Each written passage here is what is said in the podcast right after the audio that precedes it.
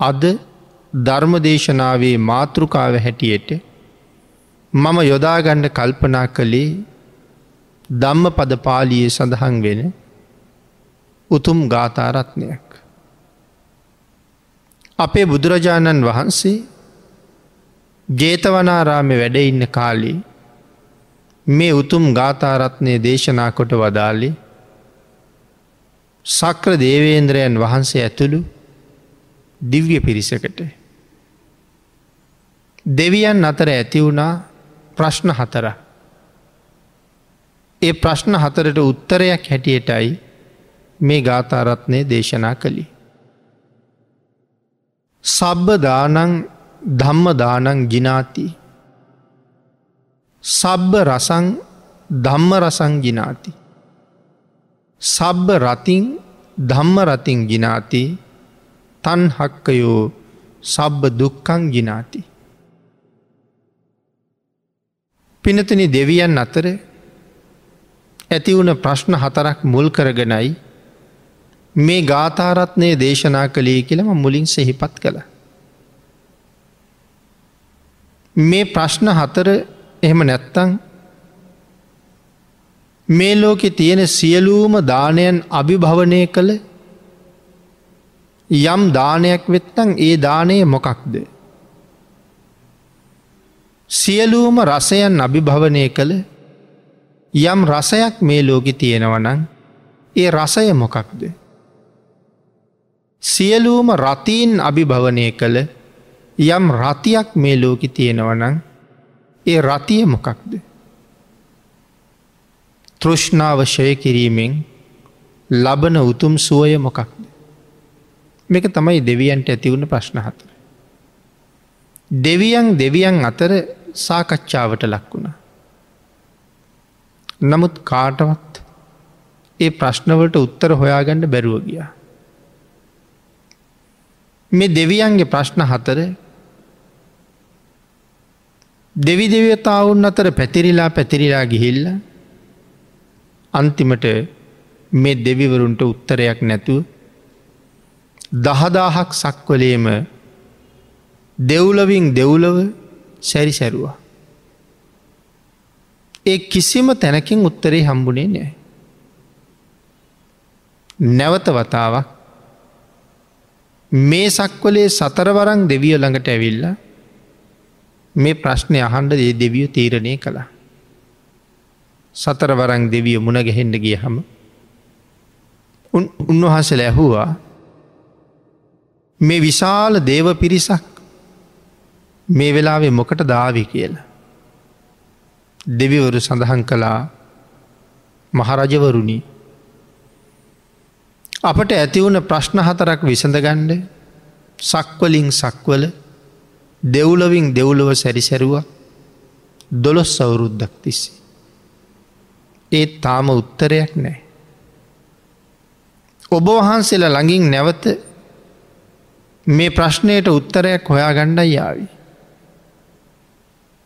සතරවං මරං මහරජවරු සඳහන් කළා හොඳයි එහෙනම් අපිට ඉදිරිපත් කරන්නේ ප්‍රශ්න හතර කියල. මේ ප්‍රශ්න හතර ඉදිරිපත් කළා. උන්වහන්සල සඳහන් කළා දෙවිවරුණී මේ ප්‍රශ්න හතරට උත්තර අපට වැටහෙන්නේ. සක්‍ර දේවේන්ද්‍රයන් වහන්සේ අපිට වඩා ශ්‍රේෂ්ඨයි අපිට වඩා තේජවන්තයි අපිට වඩා බලවන්තයි. දහසක් දෙනා උන්වහන්සේ ළඟ ඉඳගෙන එකවර ප්‍රශ්න දහසක් ඇහුව ඒ ප්‍රශ්න දහසටම එකවර උත්තර වැටහෙන තරම් ප්‍රඥාව උන්වහන්සේට තියෙනවා. ඒ නිසා පින්නතුනේ සක්‍ර දේවේන්ද්‍රයන් වහන්සේට සහස් සක්ක කියල නමකුත් තියෙනවා. ප්‍රශ්න දාහකට එකවර උත්තර වැටහෙන නිසා. අපි යමු උන්වහන්සේ ළඟට. සතරවරං දෙවිවරු පෙරටුව මේ විශාල දෙව පිරිස සක්‍ර දේවේන්ද්‍රයන් වහන්සේ මුණ ගැහෙන්ට ගිය. සක්‍ර දේවේන්ද්‍රයන් වහන්සේත් ඇහුව මේ තරම් විශාල දෙව් පිරිසක් අරගෙන කොහෙ දෙයන්න කියලා. සතරවරං දෙවිවරු ප්‍රශ්න හතර ඉදිරිපත් කළා. ස්වාමීනී මේ පැන හතර විසඳ ගණ්ඩයි යාවි කියලා. ඒ ප්‍රශ්න හතර අහලා සක්‍ර දේවේන්ද්‍රයන් වහන්සේ සඳහන් කළා දෙවි දේවතාවරුණි මේ ප්‍රශ්න හතරට නං උත්තර මට වැටහෙන්නෙත් නෑ. මේ ප්‍රශ්නවලට උත්තර දෙනවනං ලොවතුරා බුදුරජාණන් වහන්සේ විතරමයි. සක්‍ර දේවේන්ද්‍රයන් වහසේ සඳහන් කළා බලන්ඩ භාගිතුන් වහන්සේ මේ දවස්වල කොහෙද කියලා. බුදුරජාණන් වහන්සේ සැවැත් නූර ජේත වනාරාමි වැඩඉන්නවා. එහෙනම් අපි යමු මහරෑ මුළු ජේතවනාරාම මේ කාලෝක කරගෙන සක්‍ර දේවේන්ද්‍රයන් වහන්සේත් සතර වරං දෙවිවරුණුත් තවත් නොයෙක් දහස් ගණන් දෙවිවරුන් බුදුරජාණන් වහන්සේ ළඟටාව. ඇවිල්ල බුදුරජාණන් වහන්සට වන්දනා කළා.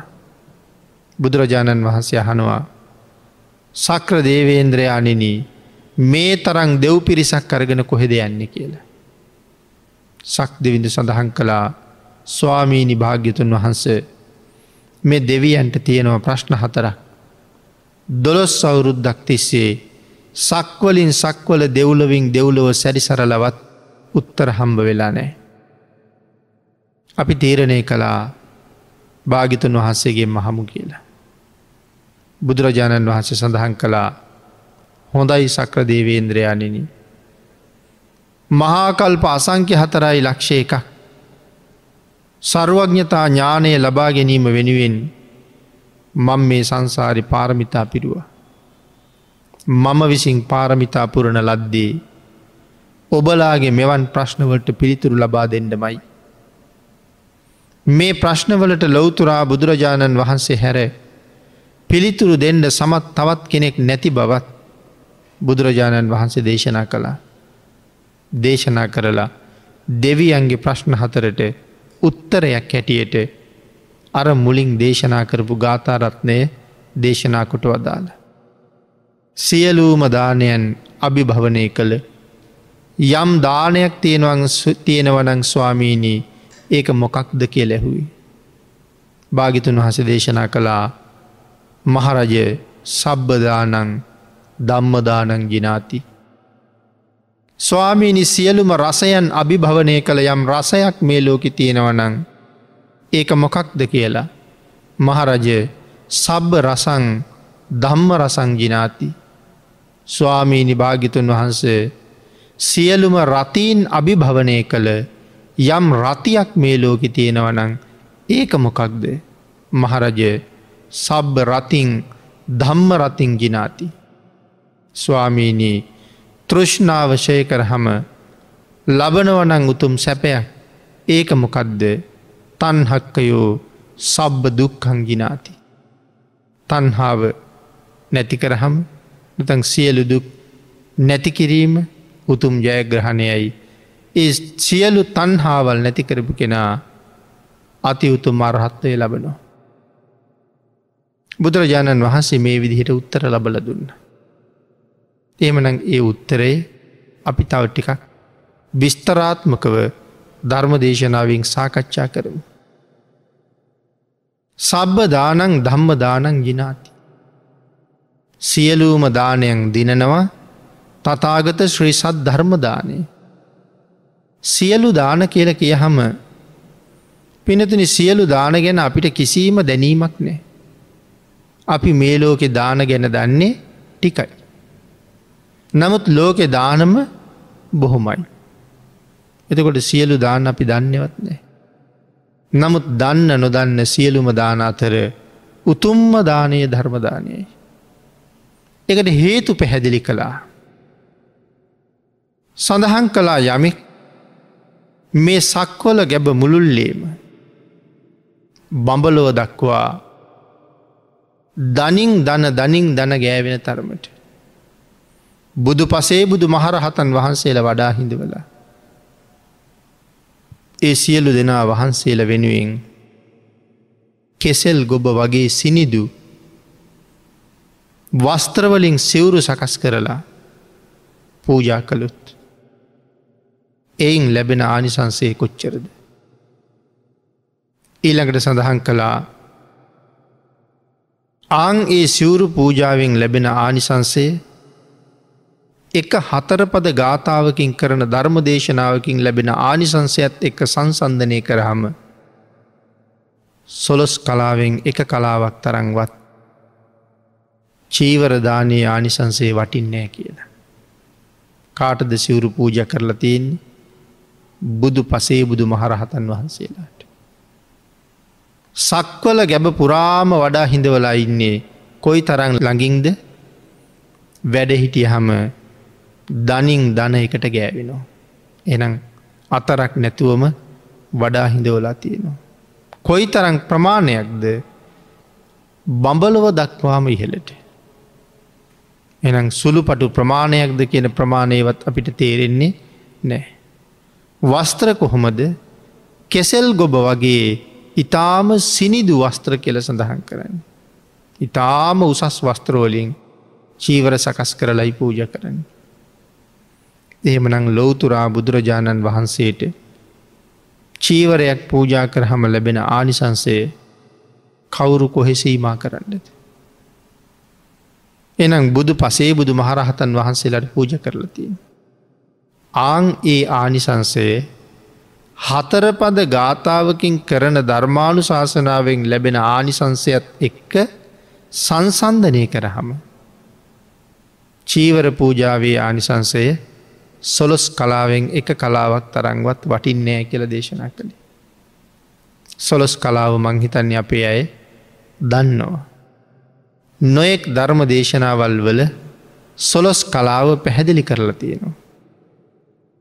දාසය දාසයෙන් දාසය වතාවක් බෙදහම ලැබෙනවද යම් ප්‍රමාණයක් ඒකට තමයි කියන්නේ සොලොස් කලාවෙන් එක කලාව කියලා. උදාහරණයක් ආයෙත් පැහැදිලි කළුත් අපි කියමු ඇපල් ගෙඩියක් අරගෙන අපි කෑලි දාසයකට කපනෝ. කපල කෑලි පහළවක් අයින් කරනවා. එක කෑල්ලක් ආයෙත් කෑලි දාසයකට කපනවා. ඒකෙනුත් කෑලි පහළවක් අයින් කරනවා. ඉතුරු කෑල්ල ආය කෑලි දාසයකට කපනවා. ඒකෙනුත් කෑලි පහළවක් අයින් කරනවා. ඉතුරු කෑල්ල නැවත කෑලි දාසයකට කපනවා. අන්න එහෙම කප කප දාසය වතාවක්ම එහෙම කපනවා. එතකොට එන කොටස කොයි වගේ වෙයිද මංහිතන්නේ එක ඇහැට පේන නොපෙනෙන තරම් ප්‍රමාණය. අන්න ඒකටයි කියන්නේ සොලොස් කලාවෙන් එක කලාවක්. දාසය දාසයෙන් දාසය වතාවක් බෙදල.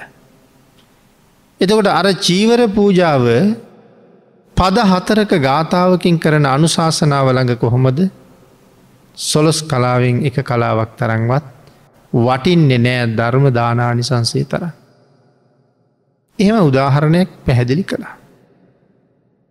ඊළඟට සඳහන් කළ ආමිෂ දානානිසංසය අනුමෝදනා ධර්මදේශනාවෙන් ලැබෙන ආනිසංසයෙන් සොලොස් කලාවෙන් එක කලාවක්වත් වටින්නේ නෑ කියල පැහැදිලි කරල ඊළඟට දේශනා කරනවා තවත් නොයෙක් දාන පිළිබඳවේ. මේ ශාසනයේ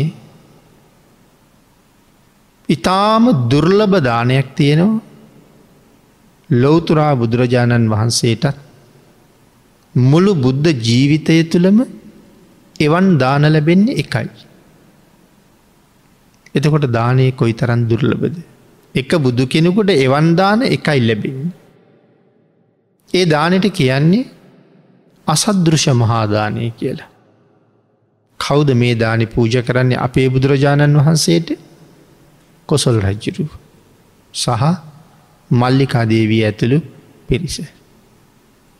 ඉතින් ඒ දානය ගැන විස්තර කරන්න ගියොත් මේ ධර්මදේශනාව තුළ ඒක විස්තර කරලා ඉවර කරන්න පුළුවන්කමක් නෑ. ඒ තරන් මහ පුදුම දානය. නමුත් ඒ දානයේ ආනිසංසයත් පදහතරක ගාථාවකින් කළ ධර්මදේශනාවේ ආනිසංසය ළඟ මුලින් සඳහන් කලා වගේම තමයි. අනාත පින්ඩික සිටිතුමා බුදුරජාණන් වහන්සේට පූජා කලා විහාරයක් හදල. මිලෙන් කොච්චර වටිනවද රන් කහවනු පනස් හතර කෝටිය.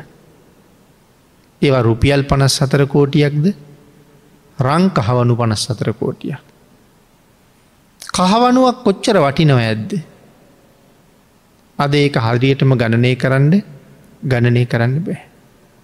යටත් පිරිසෙන් වර්තමානය නං අඩුම තරමේ පවුම් පහකටත් වඩා වටිනව ඇති කියල හිතෙන. එක කහවනවා. එතකොට එවන් කහවනු කොච්චරක්ද පනස් හතර කෝටිය. රුපියල් බවට පත් කෙරුවොත් කෝටිකීයක් වෙයිද. ජේත වනාරාමි හදන්ඩ වියදන් කර මුදල. එහෙමනං ජේත වනාරාමි දිව්‍යමය කුටියක් වගේ.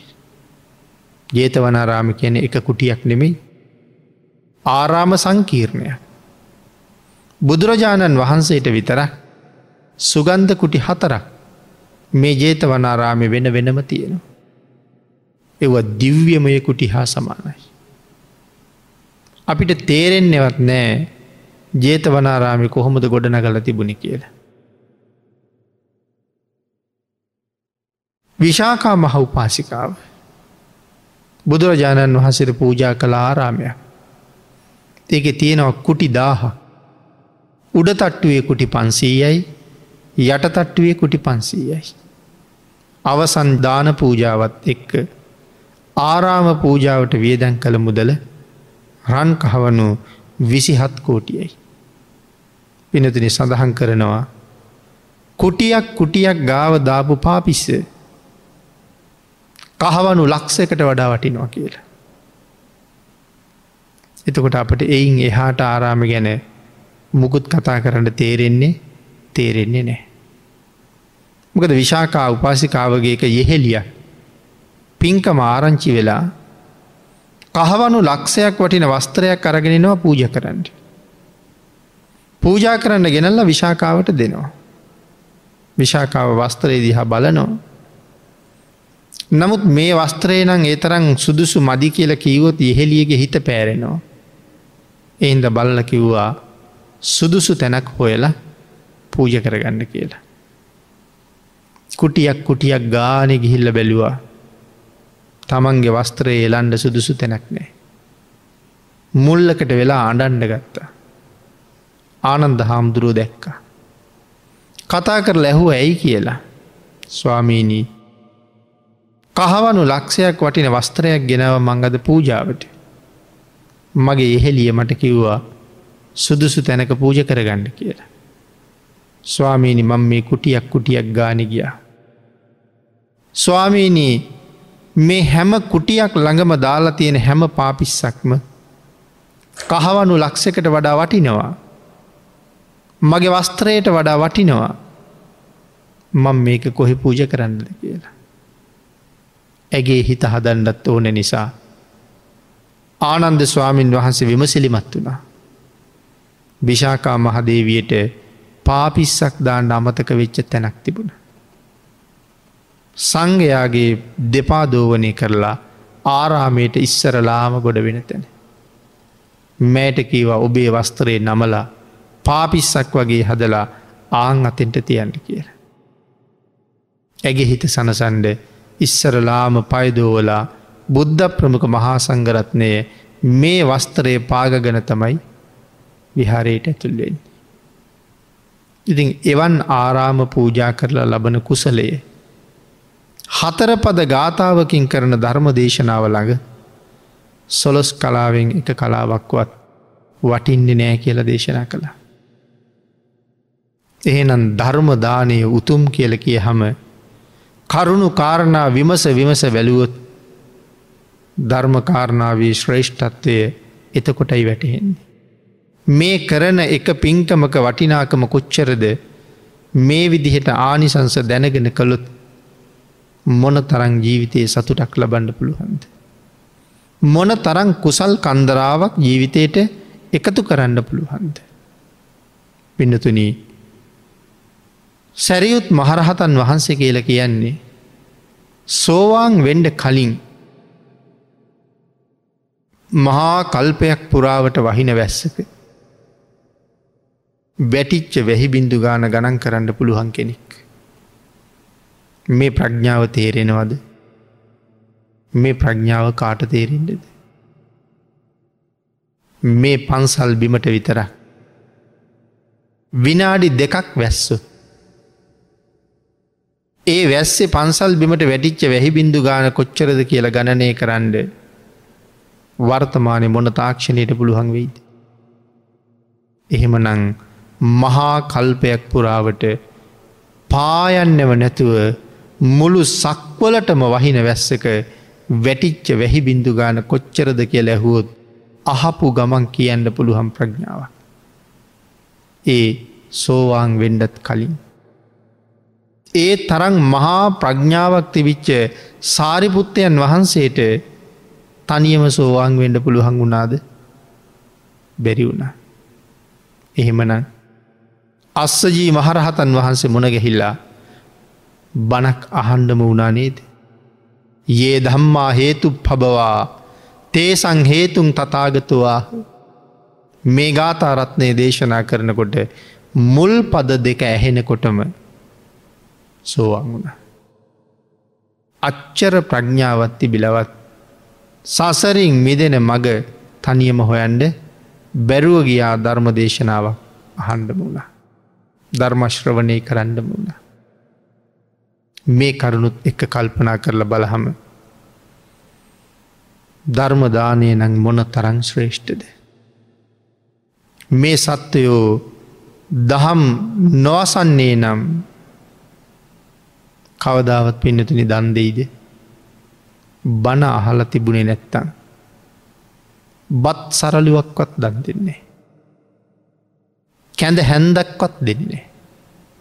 එනම් මේ දෙන්නේ ඇයි දානය හොඳයි දානය උතුම් දානය ශ්‍රේෂ්ඨයි කියලා අහලා තියෙන හින්දනේ ද අපි දන්තින්.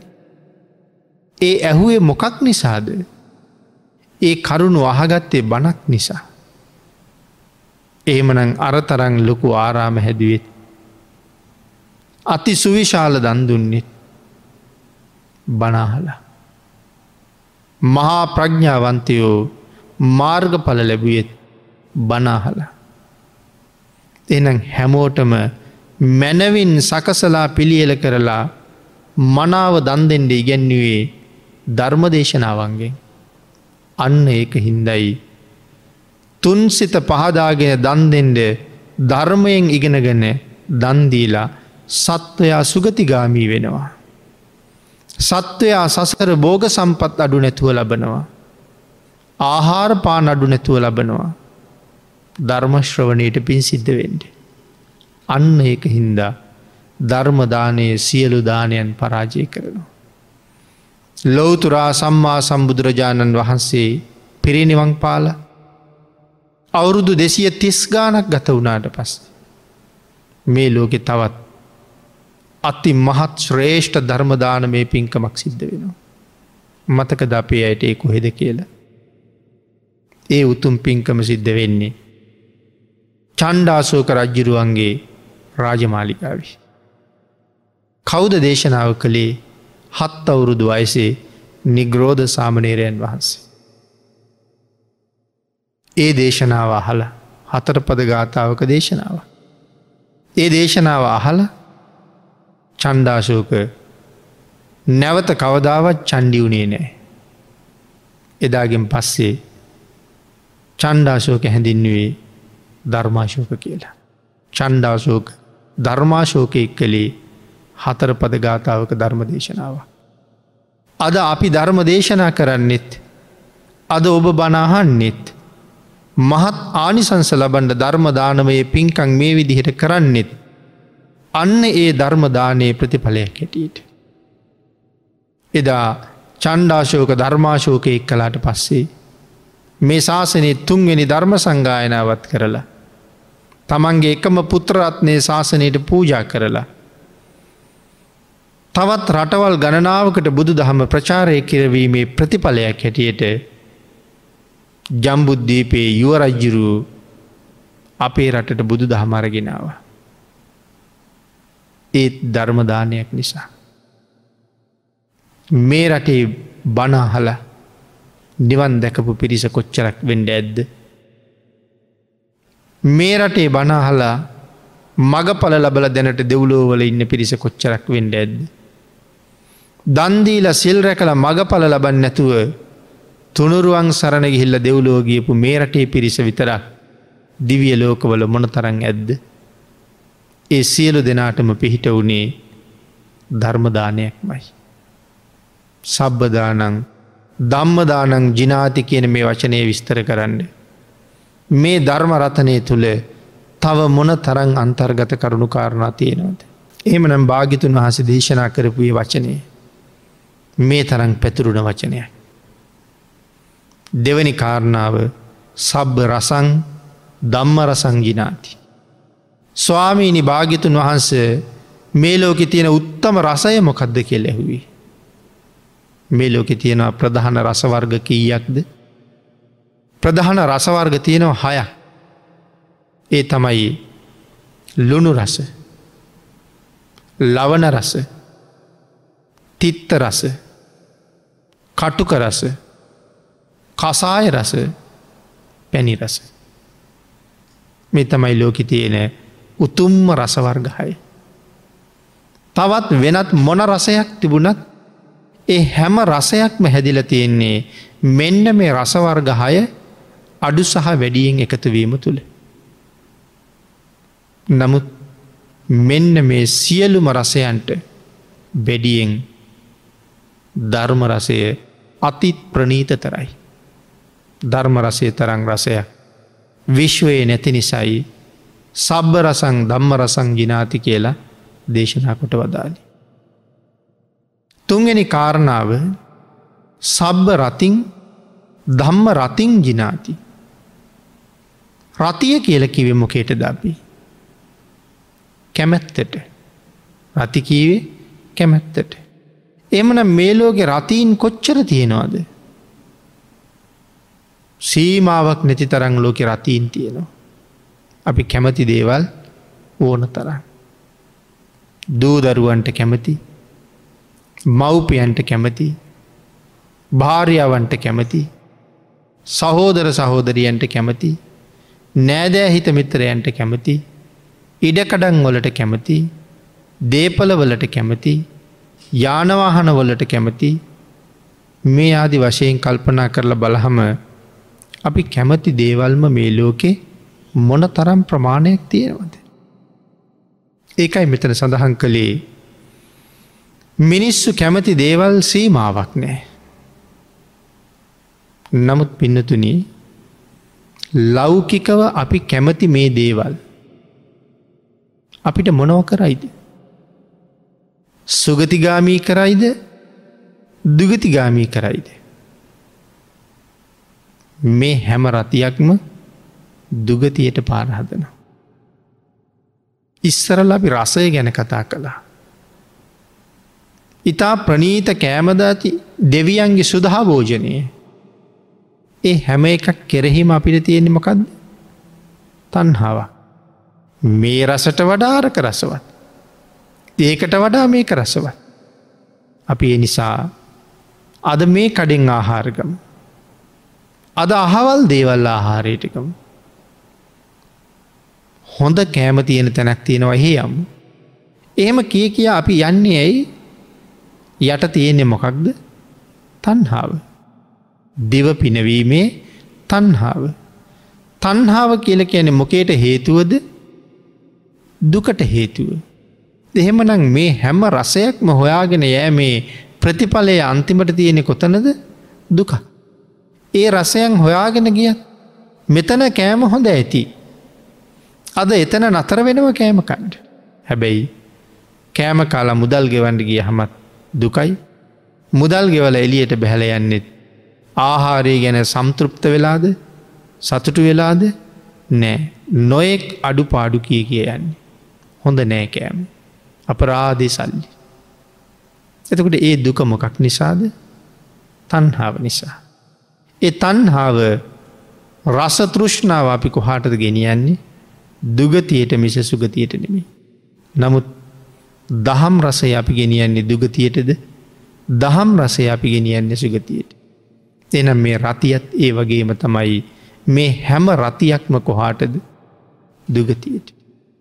මේ කිසිම රතියක සැනසීමක් තියෙනවද මේ කිසිම රතියක සැනසීමක් නෑ. කාලයක් තිස්සේ දරුවන්ට තිබුණේ පුදුම කැමැත්තක්. ඒ දොල්ල පුදුම ආදරෙන් හැදවී. මල් පරිස්සං කරනවා වගේ තැලෙන්ඩ පොඩිවෙන්ඩ දුන්න හම මල් වැඩක් නෑ. එමනන් දරුවොත් කිසිම කැලලක් නොවෙන්ඩ දරුවොත් හැදුව අපි. අපි බලාපොරොත්තුනා ඒ දරුවන්ගෙන් හුඟක් දේවල්. අපිට බැරි කාලෙට සලකයි අපි රැක බලාගනී නම්බු නාම තානාන්තර රැකල දෙයි කුල පරම්පරාවේ ගෞරවය ආරක්ෂා කරයි මේවාගේ බලාපොරොත්තු ගොඩක් තිබුණ. නමුත් සීයට අනූගාන ඒ බලාපොරොත්තු බිඳෙනව මිසක් සම්පූර්ණ වෙන්නේ නෑ. ආපොහු ඇතිවෙන්නේ මොකක්ද දුක. අත් හැරල තිබුණ නං ඒ දුක ඉච්චරමනේ. සමහර අය කතා කරපු හම කටේ තියෙන අනිත්‍යය. ඔක්කොම අනිත්‍යයින ඔක්කොම අනිත්‍යයින කිය කතා කරන්න. එහෙම කතා කරන මිනිස්සු දරුවෙක් ටිකක් සැරට වචනයක් කතා කර හමන්ඩනවා. දුව බැන්න පුතා බැන්න ආමුදුරුවන්ටත් ඇවිල්ල කියන. අපිටත් ඇවිල්ල කියන. දැන් කියන දේ යහන්නේ හරි මුරන්ඩුයි අපි ඔහොම වචන අහන්ඩද මෙච්චර කල් දුක් විඳල හැදුවේ මෙච්චර වියදං කළේ නොඒ ඒව කියනවා. මේ අනිත්‍ය කතා කරපු අය. ඒ දරුවන්ගෙන් අපි බලාපොරොත්තු වෙච්ච දේත් අනිත්‍යයි කියල කල්පනා කරන්නේ. එතකොට නිකං මේ අනිත්‍ය කියලා වචන ටිකක් විතරක් කියව කියව ඉඳලා. ඇස අනිත්‍යයි දිවානිත්‍යයි කනානිත්‍යයි ඇහෙෙන් දකින රූප අනිත්‍යයි එහෙම කීක අපි සෑහෙන කල් අනිත්‍ය භාවනාව වටලා. නමුත් එක ප්‍රායෝගික වෙලාද ප්‍රායෝගික නෑ. එහෙනම් කලින් බලාපොරොත්තු වෙන්ඩෝනේ.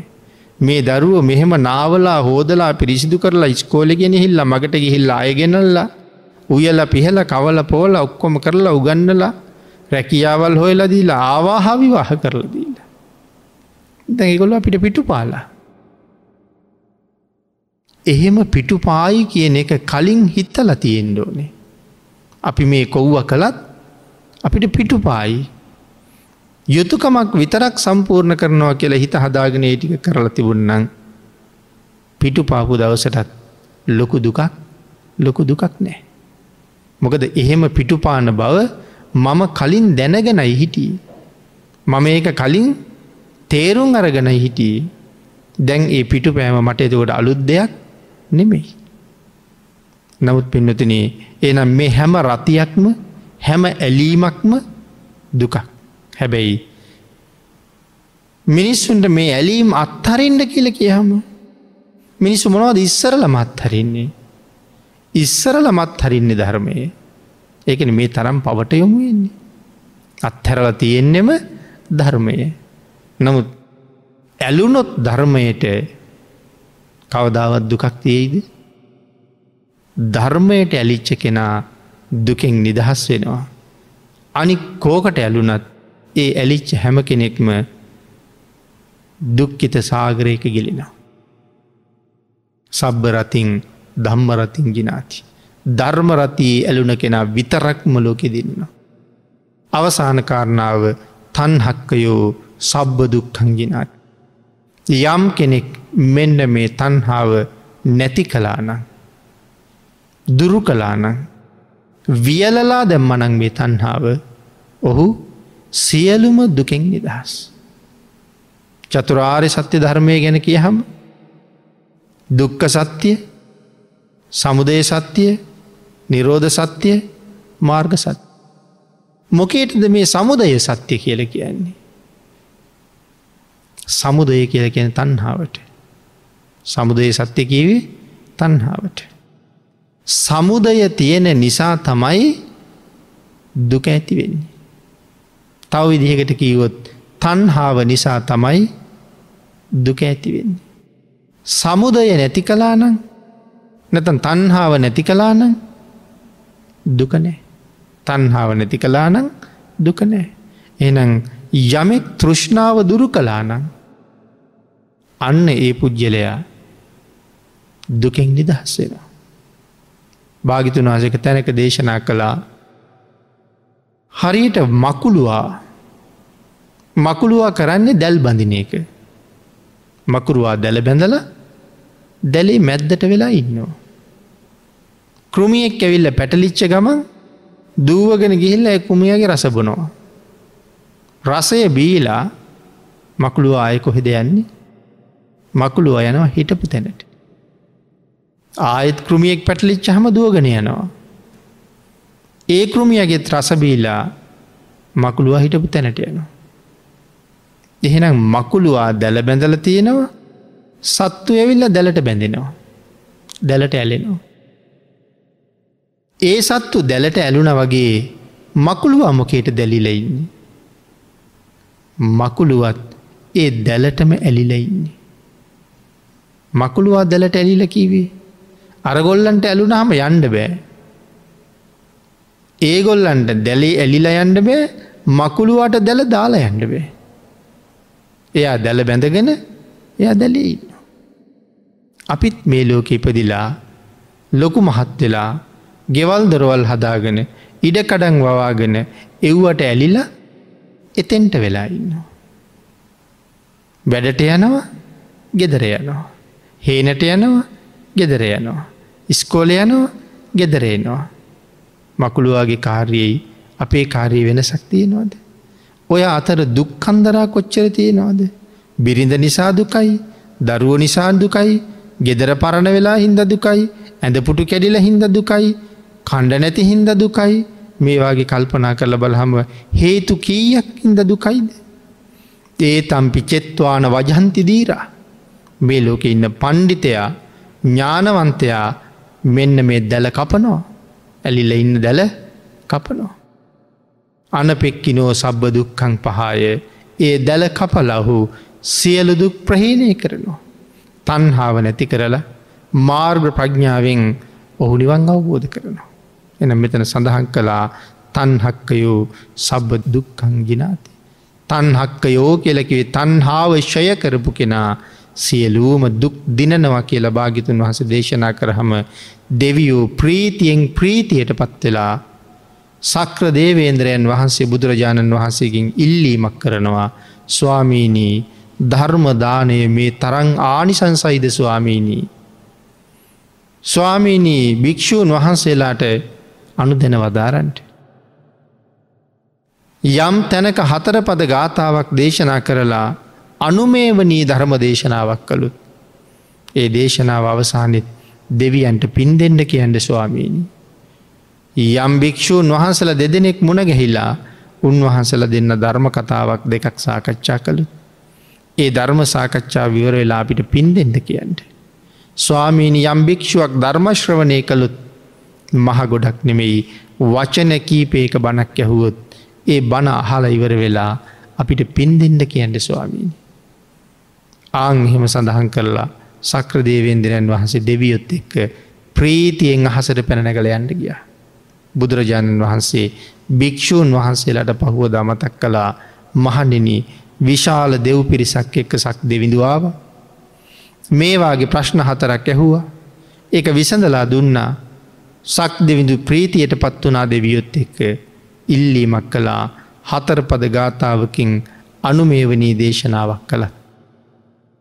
භික්‍ෂූන් දෙපලක් අතර ධර්මසාකච්ඡාවක් ඇති වුණත්. බණපද කීපයක් අහලා ධර්මශ්‍රවනයානිසංසයක් ලැබුවනං. බණපද කීපයක් දේශනා කරලා ධර්මදානමේ පින්කමක් කලානං දෙවියන්ට පින් දෙෙන්ඩ කියලා ඉල්ලීමක් කිරුව කියල සඳහන් කළ. ඒක අමතක කරන්න එපා කියලා බුදුරජාණන් වහන්සේ භික්‍ෂූන් වහසලට මතක් කළා. මහනින මම ඒ දේශනාව විවර කරනකොට අසූ හාරදාහක් ප්‍රාණීන් ධර්මාව බෝධය කලා කියලත් දේශනා කළ. එහෙමනං ධර්මදානය මොනතරං උතුම්ද. ශ්‍රද්ධාවෙන් ලෝක සත්වයා සසරදුකින් මිදවීම උදෙසාම උතුම් වූ ධර්මදානමේ පින්කං කරන්න. ඔබත් ධර්මශ්‍රවනය කරනකොට හරියටම බනාහන්ඩ. අනිත් අයටත් බණහන්ඩ අවස්ථාව හදල දෙෙන්ට මේ කරන්නේ එවන් උතුම් අවස්ථාවක් මෙයින් රැස් කරගත්ත උදාරපුුණ්‍ය සම්භාර ධර්මයන් අපි සියලු දෙනාටම මේ මග දියුණු කරගණ්ඩ ශක්තියක් වේවා තුනුරුවන්ගේ ආශිර්වාදය ඒ සඳහා නොඅඩුව ලැබේවා කියල ප්‍රාර්ථනා කරමු.